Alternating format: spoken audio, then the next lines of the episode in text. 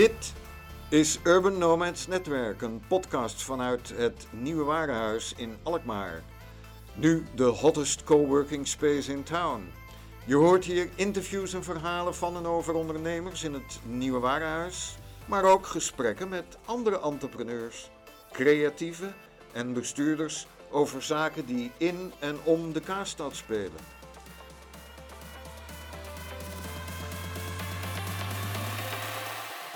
Met een beetje geluk sluiten we elke aflevering af met de agenda voor de komende maand, dan wel maanden in het Nieuwe Warenhuis.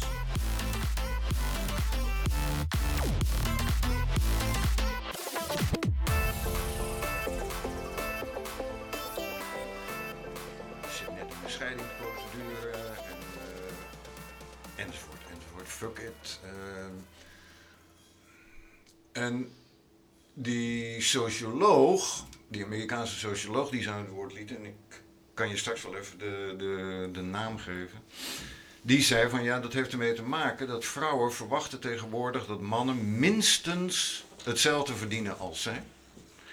Is dat niet het geval, dan is die man eigenlijk niet meer aantrekkelijk als partner. Grappig. Ja, ik, ik verwacht dat niet hoor. Ik vind het wel nee. fijn natuurlijk. Ja.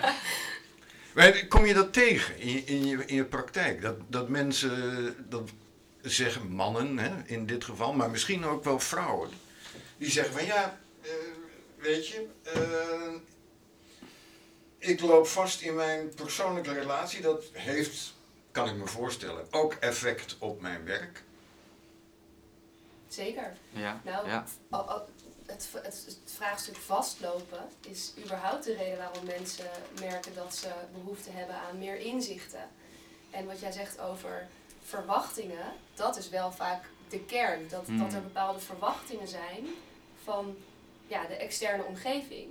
Eh, hoewel, ik ben nog nooit tegengekomen dat mensen letterlijk hebben benoemd dat het om financiën ging binnen de relatie, maar wel om verwachtingen van de ander. En ik kan me voorstellen dat ja, je ziet een shift dat vrouwen ook meer gaan werken en dat de verdeling tussen eh, ouderschap in gezinnen eigenlijk eh, gelijk wordt. Dus dat daarin de verwachte, de onbesproken afspraken, zeg maar, Hmm. er wel zijn. En dat als dat niet wordt besproken, dat je dan vastloopt. Snap je wat ik bedoel? Ja, ja. ja. Maar het vraagstuk of, dat, of vrouwen over het algemeen verwachten dat hun partner minstens net zoveel verdienen, weet ik niet. Wat ik wel ervaar in mijn omgeving, niet per se in de coachgesprekken, is dat vrouwen verwachten Mhm. dat alles dan gelijk is. Want we werken allebei, we zijn Mhm. allebei eh, mama en papa. Hè? Dus even vier dagen of evenveel mama of papa dagen. Dus dat die verwachting in, in alles op een soort van onzichtbare balans wordt gelegd. En misschien dus ook wel financieel. Ja. En, maar, en dan valt het en staat het ook weer met communicatie. Want er zijn zoveel verwachtingen. Niet alleen op financieel vlak. Maar het is inderdaad alles. In, in de interactie, in het gezinsleven, eh, werk. Overal zie je dat eh, in terug. En, en raakt het iets in, in de relatie. Er was ook een coach in die uitzending van eh, Tegenlicht. Eh Al van Mannen, een Amerikaanse coach. Die zie je dan in gesprek via zijn eh, laptop, eh, Skype of Zoom. Welke eh, software hij dan ook gebruikt. En dan spreekt hij met mensen.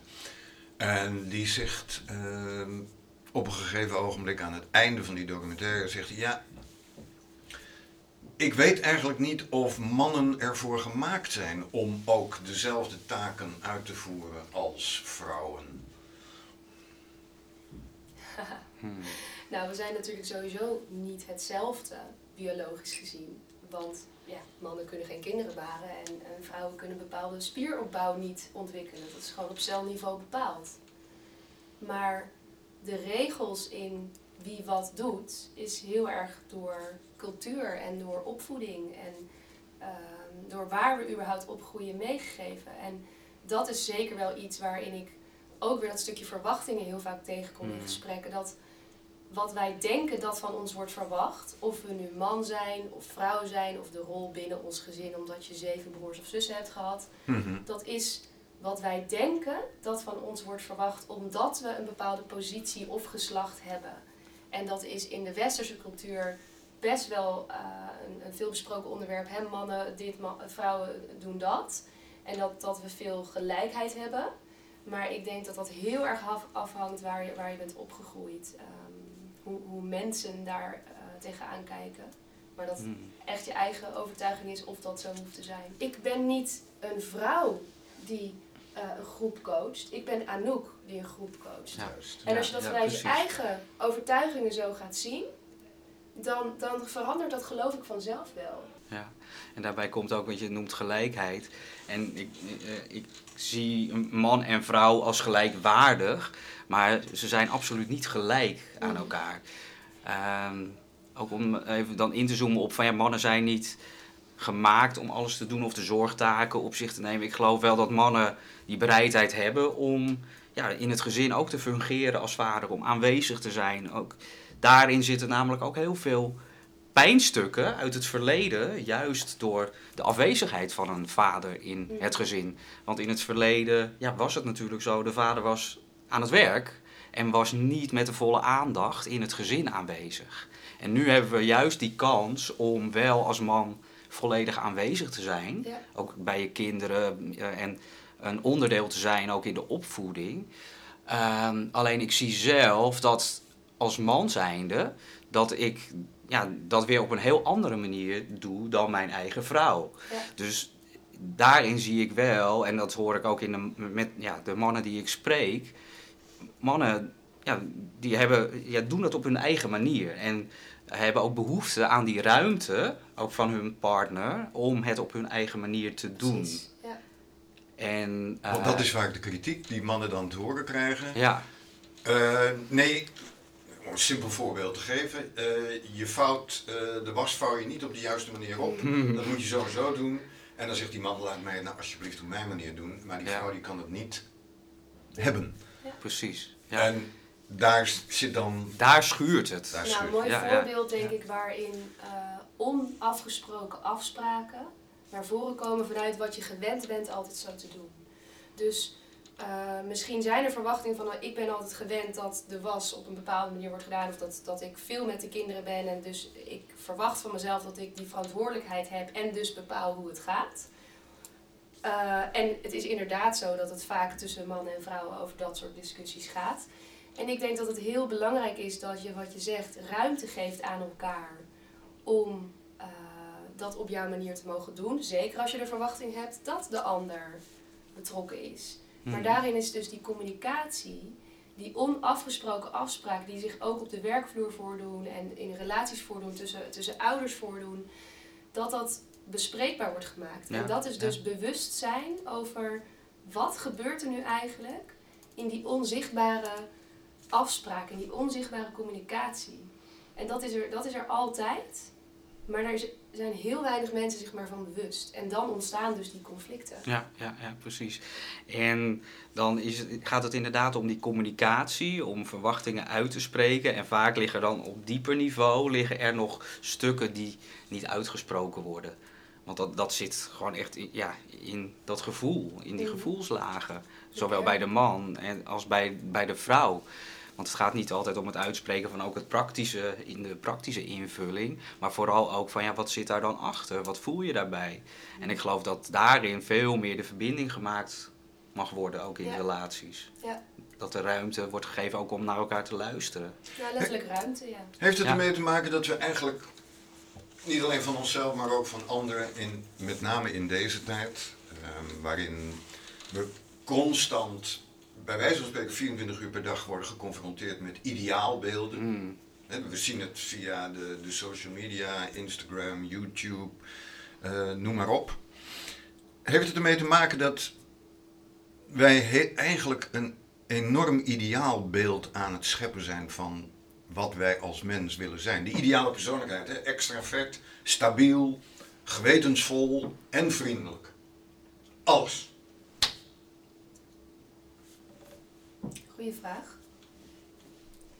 Ik heb zeker wel het idee dat die verandering door social media, ehm, dat we ons vergelijken en dat er ineens Ja. heel veel keuze is van, oh, zo kan ik ook zijn en zo kan ik ook zijn.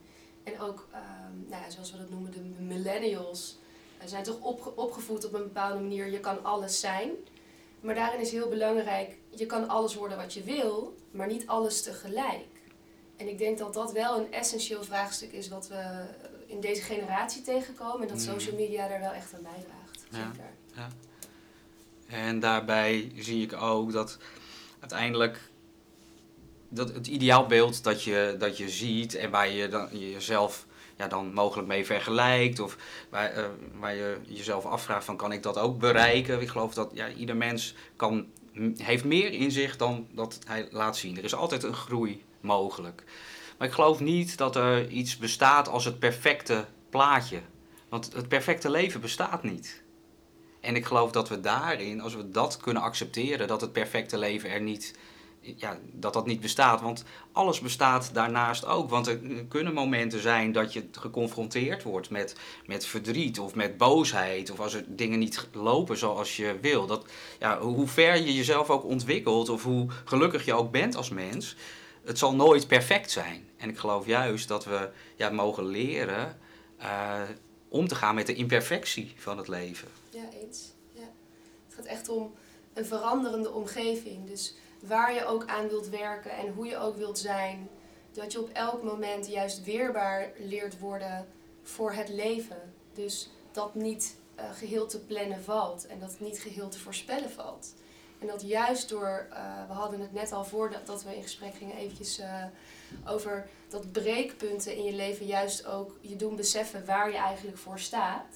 En dat dat juist ook het mooie is, dat we kijken wel vaak naar dat perfecte plaatje. Maar dat we als we merken dat we eh, overspannen raken of dat er zich hele grote veranderingen op het werk of thuis zich voordoen, dat dat vaak de momenten zijn waarop we ons op de manier ontwikkelen en juist zo dicht bij onszelf komen te staan. Dus Mm. dat we juist die momenten nodig hebben om eigenlijk ja, autonoom te zijn en juist die persoon te zijn en te, te worden die we mogen zijn. Ja, ja.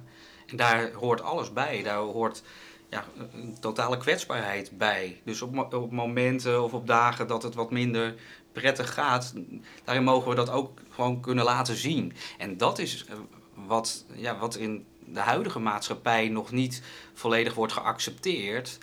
Dat op het moment dat het minder gaat, ja, dan hebben we de angst dat we ons gezicht verliezen. Want we Mhm. hebben iets hoog te houden. Ja, Dat, dat- en, en, en ik ben van mening dat we dat gewoon mogen leren loslaten. Dat we gewoon ook de minder prettige kanten in de ander mogen omarmen. Dat houden we even vast. Ehm, de laatste persoon die u hoorde was Sander de Zwart. Hij is in gesprek met Anouk Benders en beiden hebben al de nodige ervaring met het coachen van mensen, groepen. En wellicht dat jullie even kort kunnen vertellen wat jullie doen en met wie. Sander? Ja, mijn naam is Sander de Zwart, 41 jaar oud. En eh, op dit moment eh, ja, heb ik een eigen onderneming. Ik coach mannen op het gebied van leiderschap. Eh, en daarnaast ook mannen op het gebied van hooggevoeligheid. Dus, ja, ik ben ongeveer drie jaar geleden gestart als ondernemer. Ik kom uit de financiële sector. Daar heb ik jarenlang gewerkt in adviseursfuncties, ook in leidinggevende functies. Dus in een leidinggevende functie, daar is ja, eigenlijk de liefde voor coaching eh, geboren. Om daar eh, ja, met, met de medewerker in gesprek te zijn, om te achterhalen waar, waar ligt je passie, waar, waar zit je toegevoegde waarde, dus je, je, je, je talent om in te zetten in het, eh, in het team. En dat, dat vond ik gewoon heel erg prettig om die verbinding aan te gaan. En ik, ik werkte in een team met, met vooral vrouwen. Ik had 25 eh, mensen onder me. En eh, waarvan 23 eh, vrouwen. En eh, slechts twee, twee mannen. Dus dat- ja, dus dat was wel een heel bijzondere situatie. Wel, ja, daar heb ik wel heel veel van, van geleerd. En, ja, en dat maakt eigenlijk nu dat, eh, dat ik het tegenovergestelde doe. Ik, ik, werk- coacht ik coach alleen mannen. en dat is niet alleen daar, eh, om die reden van, oh, die vrouw, eh, daar, ben- daar ben ik klaar mee. Het is voornamelijk ontstaan eigenlijk door mijn eigen pad. Want ik ben zes jaar geleden tegen een burn-out aangelopen. Ja, door eigenlijk een samenloop van omstandigheden, fulltime baan, een HBO-studie en het, ja, druk gezinsleven thuis met twee jonge kinderen.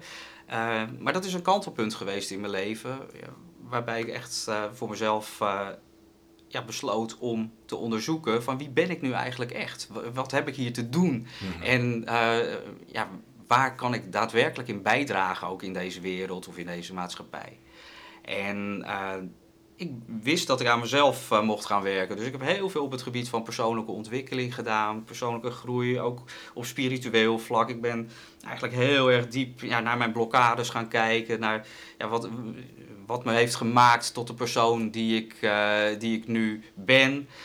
Ehm, en mij viel op dat ik in, in die trajecten of, eh, of eh, opleidingen die ik deed, Hmm. eigenlijk alleen maar ja, met vrouwen om me heen eh, zat. Dat was een jaar of zes geleden. En ik vroeg me af, waar zijn al die mannen die, net als ik, ook met die vraagstukken zitten, die ook aan zichzelf willen werken. Of ze En- twijfelen helemaal niet aan of zichzelf. ze, ze twijfelen helemaal niet aan zichzelf. Precies, dat zou natuurlijk ook kunnen. Maar, de- maar daarin voelde ik wel van ja, maar ik ben toch niet de enige man die met vragen zit. Dus dat heeft me ertoe bewogen om op zoek te gaan naar die mannen. Leuk. Komen we zo terug. Ja, Anouk. Dank je. Ehm, nou, mooi verhaal. Ik vind het echt heel inspirerend om te horen hoe je hiertoe bewo ja, bewogen bent. Eh, ik ben Anouk Benders. Ik ben ook coach. Ik coach eh, op dit moment voornamelijk ondernemers, eh, ZZP'ers en zelfsturende teams. Ehm, daarbij combineer ik heel erg vraagstukken uit het bedrijfsleven met persoonlijke ontwikkeling. Ehm, juist omdat ik heel erg dat als, als, als verbinding zie met elkaar. Ehm, ik ben ook begonnen als coach omdat ik zelf eh, heel veel liefde voel voor überhaupt persoonlijke ontwikkeling. Ik heb dat altijd heel erg opgezocht in de rollen die ik had binnen eh, het bedrijfsleven. Ik kom ook uit de financiële sector. Heb daarin Hey, jullie hebben iets gemeen. Ja, Ja. dus dat vond ik ook heel grappig om te, om te horen. Was geen opzetje, luisteraars. Ehm, ik vond dat wel. eh, ik heb altijd heel veel, met heel veel plezier gewerkt. Voornamelijk bij die verbinding met mijn teams, met mijn mensen. En ben altijd eh, een beetje de motivator binnen het team Mm. ge- geweest. Dus of ik nu degene was die de teambuilding regelde, of degene was die teamcoach was en de één op één gesprekken deed, daar haalde ik de meeste energie uit. Ehm, altijd in agile eh, teams gewerkt, dus dat zelfsturen is echt een onderwerp eh, wat ik heel interessant vind. Hoe ontwikkel je nou mensen eh, tot ja, persoonlijk leider en daarin mensen in hun kracht zetten. Dat is ook hoe ik coach, maar wel dus echt succes op alle vlakken. Want het is niet alleen een doel stellen als ondernemer en daarvoor gaan. Het is het gehele plaatje en daarbij wil ik dat de mensen die ik coach ehm, nou ja, hun tijd, winst, vrijheid en resultaten kunnen eh, vergroten of maximaliseren. En daar leer ik zelf ook heel veel van, eh, als ondernemer bijvoorbeeld weer. En ehm, ja, daarom vind ik dit fantastisch om te doen. Combineren van vragen uit het bedrijfsleven met persoonlijke ontwikkeling. Ja. Hoe doe je dat? Nou, wat ik heel veel merk is dat eh, de ondernemers of ZZP'ers die ik coach, die eh, zien bijvoorbeeld hun onderneming of team veranderen. En daar komen vraagstukken bij. Frustratie. Je loopt vast of je merkt keer op keer weer dat je met die persoon of juist met eh, keuzes die je niet durft te maken, dat je daar vastloopt en dat heeft impact. En niet alleen omdat je de keuze niet maakt en daarmee je doelen niet bereikt, maar ook omdat je misschien de stress mee naar huis neemt. Of omdat je dacht dat je vanuit passie bent gaan ondernemen. Maar je voelt de vrijheid en de passie eigenlijk niet meer zo erg. Want die patronen in, in die stress komen steeds weer terug. En dat ontstaat vaak op de, op de werkvloer. Dat denkt, dat denkt men. Dat ontstaat om, in je onderneming of binnen je team. Maar dat is maar een buiten, buitenste laagje. ehm, wat ontstaat vanuit patronen. En daarin gaan we kijken naar, hey, hoe kunnen wij nu kijken naar wat er echt achter zit, de echte patronen, zodat je dat ehm, probleem of dat vraagstuk, wat je eigenlijk keer op keer weer tegenkomt, eh, anders kunt gaan doen.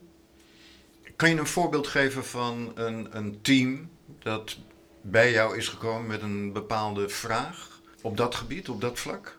Ja, Een ondernemer die eigenlijk voor zichzelf was begonnen Mhm. en daar langzaamaan wat mensen eh, bij betrok, omdat het gewoon simpelweg weg te druk werd. Dat is een team, maar ehm, de rollen binnen dat team veranderen. Want die ondernemer die in principe verantwoordelijk is voor alles, eh, wordt nu ook een leider. Maar er zijn niet echt hele duidelijke afspraken over, maar die mensen hebben wel bepaalde verwachtingen van hé, hey, ik wil ook groeien. En ik wil ook weten waar we naartoe gaan. Wat is eigenlijk onze visie? En daarin merkten we heel duidelijk dat ehm, de, de, de ondernemer die eh, in principe begonnen was en de verantwoordelijkheid heel erg veel moeite had met het loslaten van eh, controle. Maar het vraagstuk waar ze mee kwamen was eigenlijk van hé, hey, eh, we hebben iemand nodig die ons begeleidt naar een eh, agile tra- transitie. Dus ze wilden wat meer agile gaan werken. En daar hoort heel veel duidelijke afspraken over. Over wat zijn de rollen binnen het team en hoe gaat dat dan. Heel veel reflectie pas je toe. En niet alleen op wat voor werk er wordt opgeleverd, maar juist op de manier van samenwerken. En daarin ben ik dus als agile coach, maar ook als persoonlijke coach, echt gaan meekijken naar die samenwerkingen binnen dat team. Eh, en een veilige omgeving gaan creëren, zodat dat bespreekbaar gemaakt kon worden. En dat heeft ertoe geleid dat dit team ehm, zich openlijker durfde uit te spreken over wat ze van elkaar nodig hadden. Om als team duurzaam te groeien. Zonder dat ze bang waren dat ze daarmee, eh, nou ja, bijvoorbeeld de ondernemer die eigenaar was van dit bedrijfje, eh, kwetste. Want dat was wel heel voelbaar dat hij het lastig vond om bepaalde controles los te laten. Hij had daarop hele ja, duidelijke eh, inzichten nodig om zich te durven ontwikkelen en juist dingen te durven loslaten. Maar ook vrijheid te kunnen geven en vertrouwen aan dat team. Dus dat zijn hele best wel diepgaande vraagstukken die ook te maken hebben met iemands achtergrond en, en opvoeding en wat hij meemaakt. Ik ga even een eh, kritische vraag stellen. Wat moeten we bij, ons bij Agile voorstellen? Hmm. Agile werken. Ja. Ja, mooie vraag. Eh, ook wel herkenbaar dat, je, dat het eh, genoemd wordt. Agile is een mindset, ook weer een Engelse term. ehm, waarin je verschillende methodieken kunt eh, kiezen, zoals Scrum. En dat is van origine Engels. En alle trainingen en, en uitleggen die, die daarin worden gegeven zijn ook Engels. En voornamelijk werd dat gebruikt door IT-organisaties die ook internationaal werken. En juist omdat dat in teams wordt gebruikt die multidisciplinair werken en ook over de grens, is er juist gekozen voor dat soort hè, termen, ja, om dat toch echt te integreren in, in het bedrijfsleven eh, zoals de termen zijn. Dus ehm, er wordt, en dat zie ik sowieso in heel veel Nederlandse organisaties, dat er heel veel Engels en Nederlands door elkaar wordt gesproken. Maar het agile werk is eigenlijk een mindset. En daar zitten een aantal waarden onder, ehm, die je kunt kiezen als organisatie, waar ik heel erg in geloof. En dat gaat om vertrouwen, eh, de klant voorop stellen, ehm, eh, openheid creëren binnen een organisatie. En daarmee stimuleer je mensen in, eh, binnen een team om zelf het eigenaarschap en de verantwoordelijkheid te pakken. En dat staat weer heel dicht bij dat stukje leiderschap, denk ik, waar Sander ook in coacht. Dat je mensen in hun kracht durft te zetten. En dat bijvoorbeeld de manager valt daar ook weg. Iedereen is eigenlijk leider. Ehm, maar daar moet je een juiste omgeving voor creëren. Dat kan dan via Scrum. Dat is weer een hele methodiek waar je dus dat release train en eh, events eh, aan hangt. Maar Agile zelf is eigenlijk een mindset. Jij zelf gebruikt, eh, Sander, ook een Engelse term voor je methode. Een van de methodes, neem ik aan, die je gebruikt. Maar dat kan je zelf beter toelichten. Energy Bridge methode. Ja, klopt. Daar heb ik een Engelse benaming aangegeven. En, en dat is niet zo bedacht, ja, dat heb ik gewoon zo gevoeld. Ik eh, voelde van, hey, wat, wat ja, doe ik eigenlijk ook in de, in de natuur, in de, in de coaching die ik toepas. Want ik ben in eerste instantie in gesprek met, eh, met eh, de man, vaak één op één. Door, door een wandeling te maken gaan we eigenlijk ja, die, door in de natuur te zijn eigenlijk al heel snel vaak op diep niveau in gesprek met, met elkaar over het leven, over waar, waar hij tegenaan loopt. Ehm, en daarin pas ik een aantal technieken toe, eh, onder andere NLP. Dus en, en daar heb ik inderdaad de Energy Bridge methode in het leven geroepen om een aantal technieken daaronder te, eh, te plaatsen, zoals NLP. Maar vervolgens gaan we ook in de natuur ja, soms een meditatie doen, een visualisatie. Ik, eh, ik pas bijvoorbeeld ook ja, soms wat eh, regressietechnieken of hypnotherapie toe. Om gewoon echt heel ja, diep te zakken in, in het lijf. Om gewoon echt te leren voelen. Want dat is iets wat, ja, wat mannen vooral missen. Die, die zijn zo geconditioneerd in het hoofd. zo erg bezig met de ratio, waardoor ja, dat, dat gevoel, de intuïtie, eigenlijk nooit is ontwikkeld. En ik ben ja, van mening dat wanneer je dat verbindt aan elkaar, dus je hoeft die ratio niet uit te schakelen of uit te zetten, want ja, dat denkvermogen hebben we niet voor niets. Uh, maar we mogen daar wel ook een stukje aan toevoegen en dat is de intuïtie, het gevoel. En, uh, en dat maakt ook dat wanneer je dat verbindt aan elkaar, en ik noem het daarom ook de Energy Bridge methode, want het is eigenlijk een verbinding om ja, vanuit je hart te, te leren handelen. En ja, ook je gevoel te, te laten spreken, ook in, in het leven, in je relaties, ook in het werk. En van daaruit uh, de verbinding aan te gaan met, uh, met de ander. Energy management. Ik weet niet of jullie wel eens van Tim Ferriss hebben gehoord. Zeker, ja. Nee? Benoemt dat wel eens in zijn boeken en podcasts als het gaat om de persoonlijke ontwikkeling. Hoe ga je met je energie om? Als we het hebben over een mindset, hoe merk je dan dat dat een rol speelt bij mensen, dat ze hun energie al dan niet goed gebruiken? Zeker, ja. Ik uh, merk dat dit juist een van de meest veelgestelde vragen is, waar mensen in eerste instantie mee bij mij komen. Dus of het nu om business coaching, om teamcoaching, uh, ja, welke vorm van coaching dan ook ergens is er iets niet goed in die energie. De energie die voelbaar is binnen de ruimte, of de energie die ze zelf. Mensen voelen zich letterlijk soms leeg. Hmm. En dat komt heel vaak voort uit keuzes die we maken. En dat is misschien wat uh, Tim Ferriss ook zegt over hè, van energy management. Uh, heeft alles te maken met keuzes durven maken. Want wij denken vaak dat we heel veel energie krijgen van dingen doen. Dus soms kun je ook vastlopen doordat je gewoon heel veel doet. Je hebt en een opleiding die je heel leuk vindt, je hebt een gezin die je heel leuk vindt, je hebt een, een groep vrienden die je heel leuk vindt. Het hoeven niet per se dingen te zijn die je opbreken omdat, ze, uh, omdat tegenslag is, maar omdat we alles maar aan het doen zijn. En daarin, dat, dat is volgens mij ook wat Tim Ferriss zegt, wij mogen niet vergeten dat alles wat we doen kost überhaupt energie. Ook de leuke dingen. Hmm. Het enige wat eigenlijk energie geeft is, is slapen. Dus dan laat je weer op. Maar uh, het gaat om um, in die bepaalde flow komen en keuzes durven te maken tot dat soort dingen. En dat zie ik heel vaak dat mensen dat heel lastig vinden, ook in het ondernemerschap. Al heb je het maar over het kiezen van een doelgroep en uh, alle bedrijfsprocessen zelf willen blijven doen. Energy management of uh, helderheid in hoeveel energie je hebt en waar je dat aan kunt besteden, gaat voor mij heel erg om het maken van keuzes. En daarom even terug naar die kern wat zijn jouw kernwaarden? Wat is nou echt belangrijk? Waarom doe je wat je doet? En ga die keuzes maken. En dat betekent ook nee zeggen tegen een aantal andere dingen, waardoor je weer in een flow kan komen. Ja. Zo zie ik dat. Ja, en we leven ook in zo'n maatschappij waarin ja, we zo erg bezig zijn met verwachtingen. Er wordt zoveel van ons verwacht. Of we, we, leggen onszelf uh, verwachtingen op. Of we leggen die lat enorm hoog. Want je moet ja, ook naar de buitenwereld toe. Moet je ja, toch je naam hoog weten te houden. Dus we zijn allemaal zo erg bezig om al die ballen in de lucht uh, te houden. En ja, daarin ja, mogen we ook veel meer ja, leren uh, de rust te, te vinden. En ook eens een keer een paar ballen eigenlijk neer te leggen of gewoon helemaal los te laten of daar eigenlijk helemaal niets mee te doen. Eens. Kom je dat tegen in je praktijk? Want ja. um, om even terug te komen op je introductie van een paar minuten geleden. Je ging op zoek naar mannen, tussen aanhalingstekens, die met dezelfde problematiek liepen als jijzelf. Je hebt ze gevonden, want anders was je deze praktijk niet begonnen. precies, ja. Waar komen ze bij, met, met, met welke vragen komen mannen bij jou? Want ja, dat... ja, ja. Nou, dat, dat is over het algemeen dus ook uh, op, uh, op gebied van hun energieniveau. Ze, ze, lopen ergens vast, bijvoorbeeld in hun werk of in een mm relatie. Uh, raken vermoeid of oververmoeid of burn-out. Um, hebben, eh, lopen tegen, eh, ja, ook tegen die problemen aan dat, ja, dat er zoveel van, van ze verwacht wordt. Of dat het ja, zitten in een onzekerheid van ja, wat, welke stappen heb ik te maken of ja, welke keuzes uh, moet ik maken in het, uh, in het leven.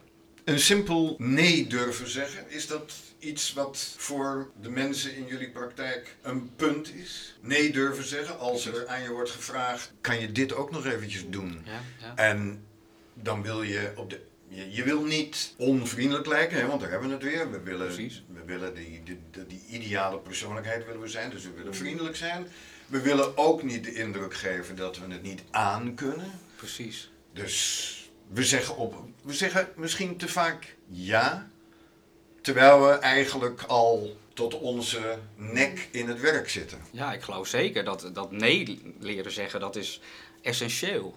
Veel mensen ja, zeggen geen nee. Inderdaad, omdat ze eh, niet willen laten merken dat ze het mogelijk niet aankunnen. Of ze, ja, ze willen aardig gevonden worden. Dus ook een stukje angst voor afwijzing. Want ze willen toch ergens bij horen. Ze willen ja, leuk gevonden of willen aardig eh, gevonden worden. En daarin zit steeds weer die strijd van ja, als ik nee zeg, ja, dan ga ik dus iets missen. Of, ik, of er gaat, ik ga iets verliezen. Of een kans om iets te verliezen daardoor. Nice guys finish last. Nou, wat ik heel erg merk in dit vraagstuk is dat eh, ik gebruik hem ook heel vaak. eh, ne- zeg maar, nee tegen het een is echt ja tegen het ander. Hmm. En dat kan heel erg helpen om eh, toch nee te durven zeggen. Maar waarom het zo lastig is, wat je zegt, er zit een stukje angst, nou in elk geval weerstand achter, die voortkomt uit bepaalde overtuigingen. Jij bent zo gewend om dingen op een bepaalde manier te doen. En dat nee zeggen is letterlijk een ander patroon. Dat ben je niet gewend en, je weet niet wat er voor in de plaats komt. En dat stukje weerstand probeer ik als coach altijd juist op te zoeken. Omdat daar een groei achter zit. Een groei in energie, een groei in nieuwe deurtjes die zich openen. Maar wat jij zegt, is nee zeggen een punt? Ja, het is een punt, want er zit zo vaak zoveel weerstand achter. Uit angst dat we niet weten wat daar dan voor in de plaats gaat komen en eh, wat we onszelf hebben wijsgemaakt. En daarom is het niet zo simpel. Hoe pak je dat aan als jij geconfronteerd wordt met een team en punt wordt gesteld van ja, maar jongens, we hebben nou eenmaal zoveel werk. Het moet wel gedaan worden en we hebben maar zoveel man en vrouw. Nou, het is sowieso niet alleen maar het aantal werk. Het gaat in eerste instantie altijd om bewustzijn. Wat gebeurt er nu precies? De, op de automatische piloot reageren op elkaar is niet per se altijd nodig. Dus wij denken soms dat we altijd ja moeten zeggen. Maar de ander blijft ook gewoon werk aandragen, omdat dat gewoon, er wordt altijd ja gezegd. Dus alleen al door bewustzijn te creëren op wat er gebeurt en om ruimte te geven aan die kwetsbaarheid, dat iemand dat bijvoorbeeld heel lastig vindt eigenlijk.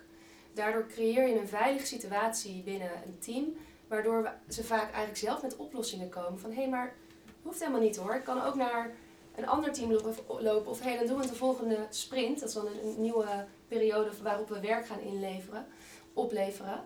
Dus door eigenlijk een ruimte te creëren waarop mensen kwetsbaar durven zijn Precies. over hun eigen patronen en überhaupt dat soms voor het eerst pas merken bij zichzelf, ontstaan die oplossingen vanzelf. En dat, dat is fantastisch.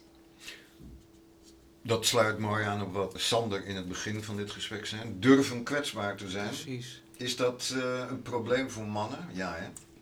Dat zeker. ja, ik denk Ja. sowieso voor mannen dat dat, ja, op het moment dat je je kwetsbaar, als man hoor je sterk te zijn. Dat, is, dat zijn natuurlijk ook die overtuigingen die, die we als man hebben. Er zijn zoveel dingen die we als man hoog te houden hebben. Of het verhaal dat we onszelf vertellen van wie we moeten zijn. Of dat we sterk moeten zijn. Dat we ja, altijd inderdaad eh, of, of meer moeten verdienen dan, dan onze vrouw. Eh, we, we hebben heel veel hoog te houden voor onszelf. Maar dat is uiteindelijk alleen maar ja, een identiteit die we onszelf hebben aangemeten als man. En ik geloof dat juist het antwoord te vinden is door die laagjes er ja, durven af te halen, door die maskers af te leren zetten en te kijken van wat zit er dan daadwerkelijk onder, van wie zijn we nu echt en ook in een veranderende maatschappij, van ja, hoe kan een man nu zijn ware kracht laten zien, De ui afpellen. de ui afpellen, ja. Nou ja, kwetsbaarheid verbindt zeker. Niet alleen in teams, maar ook in relaties. En ehm, ook onder ZZP'ers onderling. Dat ZZP'ers hebben vaak ook het gevoel dat ze alles zelf moeten doen. Want ze hebben die rol van ZZP'er nu eenmaal genomen. Dat is ook de grootste valkuil trouwens, want eh, als je alles zelf wil blijven doen, kun je nooit eh, duurzaam groeien, denk ik. Maar door, door dus dat kwetsbaarheid te durven opzoeken, komen die verbindingen, maar ook dus oplossingen vanzelf. En dat, dat, ik weet zelf niet of dat echt veel sterker aanwezig is bij mannen, want ik voel dat eh, onder vrouwen ook wel, dat we, ehm, en misschien is dat ook aan het veranderen, dat vrouwen juist ook steeds meer in die mannelijke energie moeten komen. Kwetsbaarheid en menselijkheid in het bedrijfsleven, daar, dat is echt nog niet altijd uh, veilig. En ja, Mhm, dat, dat, ja. dat zie ik wel heel erg. Ja, want is het niet zo dat vrouwen wel eerder hun kwetsbaarheid durven laten zien? Of is dat misschien juist in het bedrijfsleven waarin ze met mannen werken, dat, dat daarin misschien een weerstand zit of ook een angst om echt kwetsbaar te zijn? Ik denk dat ehm, in de bedrijven waar ik veel heb gewerkt, dat is wel vaak toevallig zo dat er veel mannen werken, de financiële sector, de IT-sector. Ehm, maar dat zowel mannen als vrouwen er tegenaan lopen dat een stukje menselijkheid, en daarmee bedoel ik ook dus dat echt dat kwetsbaar durven zijn. eh, en dat je dus niet altijd daar kan presteren, juist door wat er op, op breder niveau speelt. Dat dat niet altijd wordt geaccepteerd en dat er niet altijd ruimte voor is. Dus acceptatie één op één is er vaak wel. Maar er is, het is niet een integraal onderdeel van de cultuur en voor de veilige situaties die we kunnen creëren. En juist daardoor nog duurzamer en beter Mm. kunnen groeien. En ik weet niet of dat door mannen of vrouwelijke energie komt. eh, maar er is niet echt bewustzijn voor op dit moment eh, in alle bedrijven. En ja, ik zou het heel mooi vinden als ik daaraan kan bijdragen om dat wel te creëren. Door die. Nou, agile werken helpt daar ook echt bij. Het is interessant dat je dat zegt. Ehm, volgens jou is er dus binnen het bedrijfsleven nog lang niet voldoende ruimte voor om dat bespreekbaar te maken. Nou klinkt het woord kwetsbaar natuurlijk ook kwetsbaar. Ja, Ehm, maar wat bedoelen we daarmee als we het hebben over een werksituatie? Is, is dat ehm, bijvoorbeeld, om weer even terug te grijpen op wat we eerder zeiden, is dat bijvoorbeeld durven nee zeggen omdat je vindt dat eh, je genoeg te doen hebt? Of is het ook iets anders? Voor mij is het wel ook echt anders. Namelijk, we hebben allemaal een, een ego. En daardoor durven we bijvoorbeeld niet om hulp te vragen. Terwijl om hulp vragen is niet een teken van zwakte. Maar daarin zet je een ander ook weer in zijn kracht. Want we, we willen volgens mij allemaal ertoe doen. En ik vind het juist zo grappig dat juist door iemand om hulp te vragen, geef je iemand anders ook weer het idee dat die belangrijk is. Dus met kwetsbaarheid bedoel ik durf de verbinding op te zoeken met mensen. Door eh, echt aan te geven wat er speelt. Want als er nu aan je wordt gevraagd: eh, Goedemorgen, hoe is het? Ja, goed met jou? Ja, lekker is goed. Fijne dag hè. Ja, ja, ja. Maar juist op dat moment even stilstaan van: Goed, maar ik loop toch even tegen iets aan. En dat is in eh, het agile werken, vind ik een heel mooi onderdeel. Dat er elke dag wordt er namelijk 15 minuten stand-up gecreëerd. En, ehm, daar, en dat is in heel veel bedrijven trouwens ook wel het geval. Maar daarin worden drie vragen gesteld. En een van de eerste vragen is: Wat heb je gedaan? Hoe gaat het? Heb je nog iets van ons nodig? En daarin creëer je al een verbinding met het team. En het hoeft niet te betekenen dat we allemaal met z'n allen elke ochtend 15 minuten gaan staan janken. Maar als je iets van elkaar nodig hebt, dan wordt dat wel op dat moment aangekaart. En dan kun je ervoor kiezen om daarna dus even samen te gaan zitten. Hoeft niet, maar het mag wel. Sander, ja, ja. herkenbaar in, Ja, ik in, de, in de groepen waar jij mee werkt? Ja, ik eh, herken dat eh, zeker. En ook dat stuk hulp vragen. En ik weet niet of dat alleen bij mannen zo is. Ik, ik, ja, ik ben zelf een man en voor mijzelf was het destijds ook gewoon heel moeilijk om eh, eraan toe te geven van ik heb hulp nodig of ik kan het niet alleen. En, ik- en de mannen die ik nu ook spreek in mijn praktijk, die hebben al een behoorlijke drempel moeten overwinnen om überhaupt met mij in contact te komen. Dat krijg ik iedere keer weer terug van, ja, het, eh, het heeft me heel veel moeite gekost om nu te- eindelijk te zeggen, of het moet bijna helemaal eh, fout zijn gegaan in hun leven, of eh, ze moeten in een diepe depressie zijn terechtgekomen voordat ze pas aan de bel trekken, om echt te zeggen of toe te geven van, hé, hey, ik kan het niet alleen.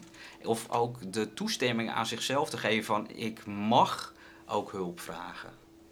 Ondernemers. Ondernemers ook, ja. ja. We gaan langzamerhand afronden. We hebben een, een, een aardige reeks van onderwerpen hebben we behandeld. En we zouden hier nog uitgebreid, uh, volgens mij, uh, zeker nog uh, de hele dag door. ja, dat weet ik wel zeker. maar als we het hebben over ondernemers, mannen, maar natuurlijk ook vrouwen. Welke tips zou je kunnen geven als je tegen een drempel aanloopt als ondernemer? Wat raad je ze aan? Behalve dat ze natuurlijk meteen eventjes contact opnemen met Sander. Ja, precies. Dan wel ja. om... Uh... Nou, dan zou ik sowieso zeggen dat op het moment dat je ergens vastloopt... geef jezelf de toestemming om hulp te vragen. En hulp vragen betekent niet dat je het volledig uit handen geeft... of dat je het niet meer op je eigen manier mag doen. En hulp vragen betekent puur dat je ja, met andere inzichten kan komen. Dat je vanuit een ander bewustzijn informatie krijgt aangereikt die helpt om weer ja, jezelf sterker te maken. Dus het wil niet zeggen dat je bijvoorbeeld door iets te vragen, en dat kan een coach zijn of een trainer, maar het kan net zo goed ook een collega zijn uit je directe omgeving of een, uh, een ondernemer die in dezelfde sector werkt Daarin kun je natuurlijk ook met elkaar sparren en schakelen. Maar daarin is het natuurlijk ook lastig om die kwetsbaarheid te laten zien of de hulp te vragen. Maar als je dat wel doet, dan sta je jezelf dus gewoon toe, ook om ja, met andere inzichten of andere uh, inzichten te, te krijgen. Waarop je uiteindelijk weer ja, jouw eigen kracht uh, nog sterker maakt. Mooi. Ja. Hm. Anouk. Nou, daar sluit ik me natuurlijk wel heel erg bij aan. En wat jij net zei van als ze vastlopen, wat betekent dat eigenlijk? Ja, als je vastloopt, voel je blijkbaar weerstand. En dat vind ik juist altijd zo mooi. Onthoud ook dat vastlopen, en dat, het, dat is een kans tot groei. Weerstand is letterlijk groei. Als je maar die weerstand durft aan te kijken. Dus word je bewust, denk ik, is wat ik wil meegeven van de momenten dat je weerstand voelt. En durf het aan te kijken. Durf een moment van reflectie in te bouwen. Ofwel met een coach, ofwel met jezelf. En ga werken aan jouw kernwaardes. Waar sta je nou eigenlijk voor? Wat zorgt ervoor dat je vastloopt? Wat mogelijk is de situatie waar jij dan in beland bent. In je onderneming, in je team. Of als je gewoon voor een baas werkt. Past misschien niet meer bij die kernwaardes. En ik denk dat dat de basis is om terug te durven gaan naar de kern. Om vanuit daar weer aan je missie en je mindset en, gezonde keuzes te gaan werken. En dat kan op zoveel manieren, maar durf die weerstand uh, te zien als een hele mooie kans tot persoonlijke ontwikkeling. En dat gaat je ook echt helpen in je, in je bedrijf uh, en in al, alle keuzes en relaties die, uh, die je aangaat. Ja, mooi. Ik denk dat dat een mooie afsluiting is van deze editie van Urban Nomads Netwerk met Anouk Benders en Sander de Zwart. Als mensen die hiernaar luisteren denken van, nou, ik zou hier toch wel eens een keer met een van beiden uh, over willen sparren, dan wel praten of eens een keer een afspraak willen maken. En dan kunnen ze jullie bereiken. Ik uh, kijk eerst eventjes naar Anouk. Zeker, ja, natuurlijk. Uh, ik ben te bereiken nou, je kunt me vinden op LinkedIn. Ik ben geloof ik een van de twee mensen in Nederland uh, met uh, deze naam, Anouk Benders. Of via mijn website www.mind-benders.nl. Ik ben ook inderdaad uh, op LinkedIn te vinden en ook op andere social media kanalen. En mijn website, daar kun je alle informatie vinden, dat is sanderdezwart.com. En zwart, voor alle duidelijkheid, dames en heren, met een Z. Yes, helemaal juist. Anouk en Zander, hartelijk dank voor jullie aanwezigheid in deze podcast van Urban Nomads Netwerk. Graag gedaan en bedankt.